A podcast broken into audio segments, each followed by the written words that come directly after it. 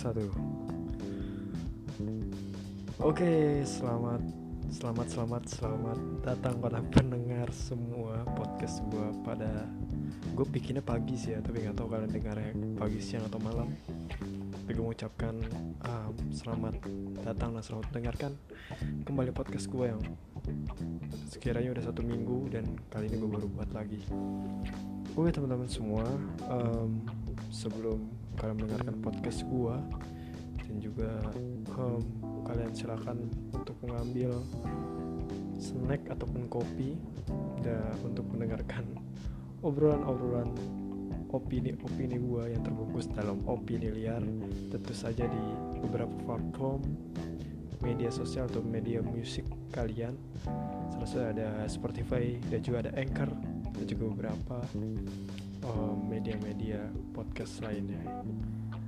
Oke okay guys, selamat mendengarkan dan gue akan mulai dari dengan 5, 4, 3, 2, 1 Oke sebenarnya gak ada opini sih? Kayaknya kita mau ngobrol asik aja sebenarnya sih dengan beberapa opini-opini yang gue miliki tentang beberapa kejadian akhir-akhir ini guys. Jadi um, ini hanya berdasarkan pendapat gue karena namanya opini liar. Gue kan apa ya menjelaskan awal mula kenapa gue namanya opini liar. Jadi sebenarnya gue itu memiliki um, tiga sebutan dari beberapa hal yang gue pikirkan. Yang pertama itu ada yang namanya ekonsistensi manusia. Kalau itu gue buat lebih kepada apa ya lebih pandangan gue terhadap sifat-sifat kemanusiaan dan kemudian gue bikin dan gue tulis um, itu biasa gue share di IGTV gue yaitu @novel abj kalian bisa bisa follow dan juga ada beberapa quotes quotes tulisan tulisan menarik ataupun resume dari yang gue gue bikin podcastnya di @novel abj itu di @inkonsistensi manusia. Jadi kalian bisa search instagramnya juga kalian boleh komen-komen juga boleh follow. Kebetulan follownya baru dikit guys. Jadi mungkin kalian bisa bantu follow instagram gue yaitu inkonsistensi manusia ataupun di novel beja. Di twitter juga ada di at inkonsistensi m. Tujuh kemudian di mana lagi ya udah sih dua itu doang di twitter dan juga di instagram jangan lupa di follow dan jangan lupa di like juga beberapa posan gue di sana. Oke okay guys, kali ini gue akan bicara beberapa hal. Yang pertama, yang paling menarik buat gue itu adalah uh, mengenai kritik yang disampaikan oleh seorang komedian terhadap beberapa kasus ber, beberapa kasus mengenai kasus yang akhir-akhir ini sangat ramai diperbincangan oleh halayak ya. Ya salah satu kasus penyiraman air keras yang ditujukan kepada uh, salah satu penyidik KPK yaitu Bapak Novel Baswedan yang hampir sudah terjadi beberapa tahun yang lalu kemudian baru terusut akhir-akhir ini. Kemudian jasa penuntut umum hanya menuntut si pelakunya um, hanya satu tahun penjara. Dan beberapa orang bereaksi terhadap kasus ini salah satunya adalah salah satu komedian yang akhirnya dia meluncurkan sebuah video yang merupakan sebuah komedi, sebuah kritik yang dibungkus dengan komedi. Oke, okay, jadi um, suatu hal yang sangat menarik di sini adalah adanya sebuah kritik yang dibungkus dengan komedi. Kalau menurut gua sih ya, mungkin ada beberapa pendapat yang dari ahli kalian bisa, gue lupa itu kata siapa, jadi yang mengatakan bahwasanya yang paling berbahaya itu komedi yang dibuat eh kritik yang dibuat, dibungkus dengan komedi gitu. Karena kalau menurut gue gue sebagai anak yang pernah kuliah um, ketika kita kritik menggunakan argumentasi textbook dan juga pengertian-pengertian ada di buku maka yang akan mengerti mengenai kritik tersebut adalah orang-orang yang kuliah berpendidikan dan juga orang-orang yang mungkin ada di lingkungan perkotaan gitu yang yang mungkin dekat dengan dengan apa sumber informasi seperti dia megang handphone mungkin ada makna-makna yang dia bisa cari tahu yaitu melalui handphonenya gitu. Nah, tapi gimana dengan orang-orang di pedesaan yang mungkin jauh dari apa namanya fasilitas informasi bagaimana orang yang jauh dari fasilitas edukasi gitu kan? Nah di sinilah kunci hadirnya kritik melalui komedi. Kenapa kritik komedi itu sangat menakutkan? Karena komedi ini cakupannya luas, bisa diterima oleh masyarakat apa pun. Walaupun kadang-kadang sifatnya segmented gitu, hanya berapa orang yang bisa menerima. Tapi um, cakupannya jauh lebih luas dibandingkan dengan kritik yang non komedi. Jadi basically kalau gue bilang komedi yang biasa komedi gitu, walaupun mungkin kayak stand up juga mempunyai segmentednya masing-masing ataupun komedi lawak juga apa namanya kayak kayak lawak kayak drama lawak itu juga punya segmen masing-masing. Tapi gue kira lawak ataupun komedi secara garis besar itu mempunyai cakupan yang sangat besar, sangat sangat luas dari rakyat yang paling paling mampu bahasanya orang-orang tertinggi pejabat seperti pemerintahan gitu kan. Sampai rakyat-rakyat yang berada di kalangan bawah. Menurut gue kenapa segitu, sebegitu menakutkannya? Karena itu cakupannya sangat luas. Bahkan orang-orang yang mungkin yang tadinya nggak mengerti ini sebenarnya kasus apa sih? gitu. Karena hadirnya kritik melalui komedi gue kira masyarakat masyarakat masyarakat yang tadinya sebenarnya kasus apa sih? gitu. Mereka sih tahu oh ternyata ini kasus seperti ini gitu jadi mereka memahami itu. Nah makanya mungkin kalau gue kira orang-orang yang kritiknya hanya sebatas ya kayak kritik-kritik di televisi mereka menyampaikan argumentasi melalui argumen-argumen yang biasa itu tidak memancing emosi beberapa orang yang apa yang mungkin mereka terlibat dalam kasus itu gitu kan. Bahkan kan terakhir kemarin ketika komedi komedian tersebut yaitu saudari bintang Emon mengeluarkan statementnya kemudian banyak banget kan di twitternya itu mengeluarkan apa seperti akun-akun yang bisa dibilang ada yang berapa orang yang bilang itu akun buzzer atau akun bohong gitu kan yang dibayar atau segala macam. Gue nggak bisa menyimpulkan itu tapi uh, membawa beberapa kasus-kasus tertentu untuk menyerang seorang pribadi bintang emon gitu kan. Nah kenapa sih pada akhirnya? Karena karena kritik ini kan udah banyak banget disampaikan oleh orang-orang lain gitu. Banyak politikus yang nyampaikan waduh kok kekecewaannya atau segala macam. Tapi kenapa ketika bintang emon ngomongin suatu hal yang bersifat komedi tapi menyinggung politik kok kenapa seolah-olah ini impactnya begitu besar? Iya gue bilang impactnya begitu besar. Ya mungkin kita ngeliat banget banyak mungkin orang yang berkompeten di bidang itu kemudian melontar kritik justru responnya mungkin biasa aja. Oh karena emang nggak mungkin masyarakat biasa tuh mengerti. Dan juga cakupannya atau bahasanya itu yang bisa digunakan adalah bahasa-bahasa yang um, yang formal gitu yang belum tentu bahkan orang-orang kayak gue ataupun orang-orang kayak kita yang hidupnya mungkin di pinggiran Jakarta ataupun di, di perkampungan tuh mengerti atau memahami bahasa-bahasa itu. Jadi orang-orang yang mungkin terlibat dalam kasus tersebut ngerasa oh ini aman-aman aja gitu kan. Ya nggak masalah lah gitu ini seandainya tapi kalau dibahas secara komedi kenapa pada akhirnya Bunda Eman naik diserang gitu kan itu bisa jadi kalau gue adalah karena emang cakupan komedi itu cukup luas bisa jadi ketika bahasa formal digunakan oke okay lah orang kota yang bisa menguasai bahasa tersebut gitu kan. Tapi di sini gue tanpa mendeskripsikan orang-orang yang kampung yang hidup di kampung gitu kan bukan berarti mereka bodoh semua enggak. Tapi gue ingin berkomentar bahwasanya mungkin kalau bahasa formal yang yang digunakan gitu kan um, itu pasti hanya orang-orang yang biasa mengucapkan secara formal gitu. Tapi kan kalau bahasa komedi itu adalah bahasanya bahasa bahasa yang santai mengartikan ya mengartikannya juga mengartikan dengan cara yang sederhana gitu kan. Contoh kayak salah, salah satu yang dibicara oleh bintang emang gitu. Um, masa nyerami badan karena yang buka emang Pak Novel jalannya palanya di bawah kakinya di atas gitu kan. Itu kan dengan secara secara gamblang orang tuh bisa mengerti gitu oh iya juga ya gitu. Itu membuka mata orang-orang dibandingkan dengan kritik-kritik yang mungkin um, apa namanya sifatnya lebih wah ini mah ada serangan politik atau segala macam gitu.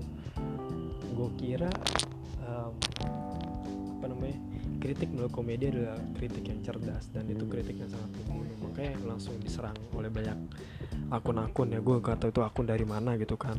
Apa hanya memanfaatkan momentum atau atau dia emang benar-benar akun yang apa namanya gak mungkin juga kan ada seorang pejabat negara yang menegakkan keadilan kemudian dijahatin kemudian penjahatnya itu dibela. Nggak mungkin juga kalau menurut gue sih gitu. Tapi kalau orangnya jahat ya nggak tahu juga sih. Kalau sama penjahat kita nggak tahu gitu kan. Apalagi bang Novel ini kan salah satu penyidik KPK ya. Jadi emang pen, seorang yang baik itu pasti banyak yang jahat bang. Pasti gitu ketika ada orang berbuat kebaikan pasti ada ada attacknya lah. Ada penyerangnya pasti. Pasti orang-orang yang melakukan entah terlibat atau korupsi atau segala macam pasti nggak senang sama orang-orang yang memberantas. Dalam tanda kutip kutip adalah pekerjaannya gitu. Makanya di sini uh, Pak Novel juga bilang kemarin bahwasanya dia itu sebenarnya nggak apa ya udah pasrah lah bahasa kayak gitu. Bahkan dia bilang kalau emang bukan dua orang ini yang dia merasa dua orang ini tuh bukan pelakunya maka lepasin aja gitu udah gak usah dihukum gitu. Karena emang kelihatan ini sebagai suatu settingan kata beliau begitu. Karena emang mungkin Pak Novel sudah apa fokusnya bukan di kasusnya aja tapi ini akan menjadi sebuah cerminan. Bahwasanya kalau saya nanti um, sebenarnya dari, kasus Pak Novelnya um, ternyata si terdakwanya um, apa di apa namanya disanksi dengan sanksi yang rendah bukan tidak mungkin ke depannya pasti setiap lembaga negara yang berjalan untuk memberantas hal-hal yang menjadi musuh negara itu bukan tidak mungkin nanti para apa namanya para pejabat yang ada di dalam lembaga tersebut bukan tidak mungkin akan mengalami nasib yang sama seperti Pak Novel Baswedan ataupun yang lebih parah. Jadi gue memahami mungkin yang dipikirkan Pak Novel itu seperti itu. Jadi um, kenapa Pak Novel itu sangat menuntut keadilan terhadap kasusnya ini justru bukan untuk dirinya sendiri tapi untuk biar terlihat contohnya Pak di KPK biar terlihat itu KPK itu dilindungi oleh hukum yang sangat kuat sehingga orang-orang yang mau jahilin oknum-oknum ataupun orang-orang yang kerja dalam KPK justru pada takut gitu karena wah pasti kalau gua ngejalin orang-orang yang ada di KPK pasti gua akan dihukum dengan hukuman yang berat sana karena mencelakai apa namanya um, lembaga negara yang memberantas musuh-musuh negara tersebut. Gue kira seperti itu. Yang pertama kesimpulannya gue bilang adalah bintang Emon yang kemarin di, apa mengucapkan kritik sebenarnya secara komedi. Sebenarnya itu sebenarnya kritik juga kritik masyarakat yang disuarakan oleh seorang saudara bintang Emon. Kemudian kenapa langsung diserang? Padahal kritiknya berbahasa komedi. Karena kritik melalui komedi itu ada kritik yang mempunyai cakupan jauh lebih luas dibandingkan kritik secara argumentasi atau textbook. Yang kedua adalah karena Pak Novel ingin kasusnya ditegakkan bukan karena dirinya sendiri tapi biar orang-orang yang ingin jahat kepada lembaga-lembaga hukum ataupun lembaga-lembaga yang bekerja untuk memberantas musuh-musuh negara itu bisa terlindungi secara hukumnya. Jadi orang-orang yang ingin jahil, orang-orang yang ingin melawan orang-orang yang ingin menghancurkan lembaga-lembaga yang yang justru bekerja menghancurkan musuh-musuh negara maka dia akan takut untuk namanya melakukan hal yang sama seperti apa yang dilakukan kepada Pak Novel. Oke guys, itu obrolan yang apa hal-hal yang ingin gue sampaikan pagi ini um, terhadap jarak pandang gue terhadap bintang Emon, saudara bintang Emon dan juga Bapak Novel Baswedan. Semoga semuanya tetap semangat, tetap melontarkan kritik, tapi kritik yang cerdas, dan juga um, semoga juga kita doakan semua penegak hukum kita diberikan keadilan seadil-adilnya oleh Allah Subhanahu Wa Taala gitu kan, biar bukan hanya apa namanya lembaga-lembaga um, yang memerangi musuh negara saja yang dilindungi tapi juga hak-hak rakyat HAM yang ada negara ini juga semoga dapat dijunjung dengan tinggi karena tanpa adanya HAM, tanpa ada hukum yang kuat, tentu saja negara ini akan apa ya akan hancur berantakan karena kalau menurut gue um, karena ini basicnya negara hukum maka hukum yang harus dijunjung tinggi gitu kan. Hukum harus dijunjung tinggi karena ketika tidak adilan itu tidak muncul di hukum maka ekosistem yang akan terjadi di masyarakat itu akan hancur. Kejahatan-kejahatan akan semakin tinggi orang-orang yang mungkin melakukan pencuri bukan melakukan pencurian ya. Contoh kayak nenek-nenek dia mengambil singkong cuman jatuh dari pohon terus kemudian diambil justru dapat hukuman yang lebih berat. Apa nyuri sendal dapat hukuman yang berat sedangkan orang yang nyuri uang rakyat orang-orang orang-orang yang apa namanya orang-orang kaya yang merasa miskin gitu kan mental miskin justru mendapatkan apa namanya hukuman-hukuman yang rendah. Justru dengan lapas-lapas yang juga wow gitu. Ya cukup apa ya gue kira apa ya orang miskin di penjara dengan hukuman yang katanya wajar lah ya secara secara apa namanya undang-undangnya oke. Okay. tapi lapasnya ya kalian tahu sendiri lah dan kemarin pas Najwa Shihab beberapa tahun yang lalu melakukan inspeksi ke salah satu lapas yaitu lapas suka miskin kita lihat koruptor masuk penjara dengan hukuman. Oke okay lah kalau sampai hukumannya juga wajar tapi dengan lapas yang tidak wajar. Oke okay, semua semoga itu jadi apa namanya refleksi buat diri kita buat para pemuda gue Novel Ibn Sabil. Itu aja opini liar yang dapat gue sampaikan pada kali ini. Semoga kalian merasa terhibur dan juga kalau ada kita komen dan juga ada info-info terbaru silahkan di komen di Instagram gue @novelabeja ataupun @inkonsistensi manusia ataupun di Twitter gue @inkonsistensi m. Ya jangan lupa di follow dan juga di like thank you. Wassalamualaikum warahmatullahi wabarakatuh